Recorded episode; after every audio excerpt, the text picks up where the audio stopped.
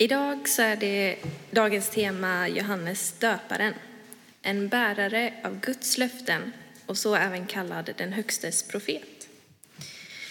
I Lukas evangeliet 1, 67-80 så beskrivs det hur Johannes far Sakarias brister ut i lovsång till Herren efter att ha varit stum ända fram till Johannes födelse och namngivning.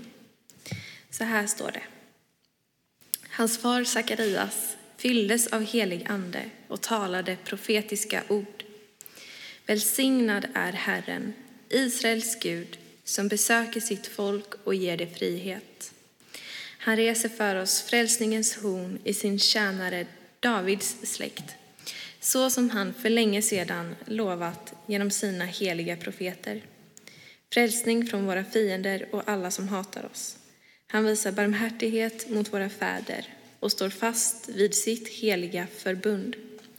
Den ed han svor vår fader Abraham, att rycka oss ur våra fienders hand och låta oss tjäna honom utan fruktan, rena och rättfärdiga inför honom i alla våra dagar.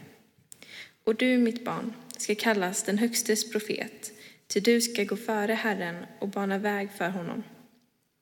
Så ska hans folk få veta att frälsningen är här med förlåtelse för deras synder genom vår Guds barmhärtighet och mildhet.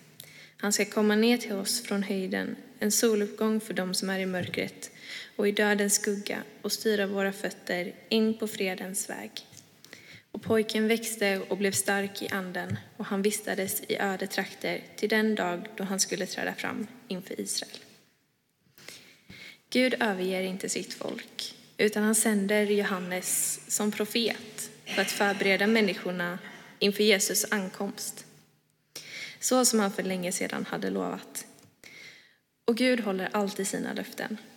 Men svaret på de löftena kan ofta se olika ut från vad vi förväntar oss att de ska vara. Och som vi alla vet så är det väldigt varmt ute just nu. Eh, och förra fredagen så hade vi tonårsavslutning eh, våravslutning. Tanken var att vara ute och spela brännboll, bada och vara ute större delen av kvällen. Men lagom tills att vi var redo att gå bort till parken så visade sig de allra mörkaste molnen och eh, det började regna. Jag bad Gud att snälla låt det vara uppehåll ett litet tag till. Eh, tills vi hinner spela några matcher i alla fall. Sen kan vi få gå tillbaka till kyrkan. En bön som egentligen kanske inte var så klok. Marken behövde regnet hundra gånger mer än vad vi behövde klara oss utan det.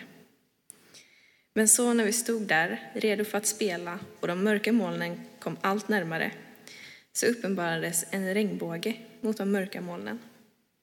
Och jag visste att vi inte skulle behöva bli genomblöta av någon regnskur. Gud höll sin hand över oss och hans löfte om att jorden inte skulle översvämmas bemöttes inte med torka utan ett lätt regn som gynnade oss alla. En påminnelse om att Gud håller sin hand över oss.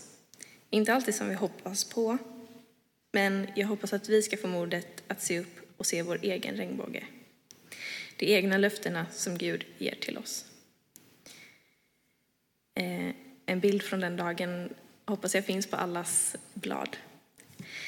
Och så här står det i Första Mosebok. Min regnbåge sätter jag bland molnen. Den ska vara tecknet för förbundet mellan mig och jorden. När jag sänder moln över jorden kommer regnbågen att synas bland molnen och jag ska komma ihåg mitt förbund med er och med varje levande varelse och aldrig mer låta vattnet övertäcka jorden och utplåna allt liv. När regnbågen är i skyn ska jag komma ihåg det eviga förbundet mellan Gud och alla slags levande varelser på jorden. Och Gud sa till Noa, detta är tecknet på det förbund jag instiftat mellan mig och allt levande på jorden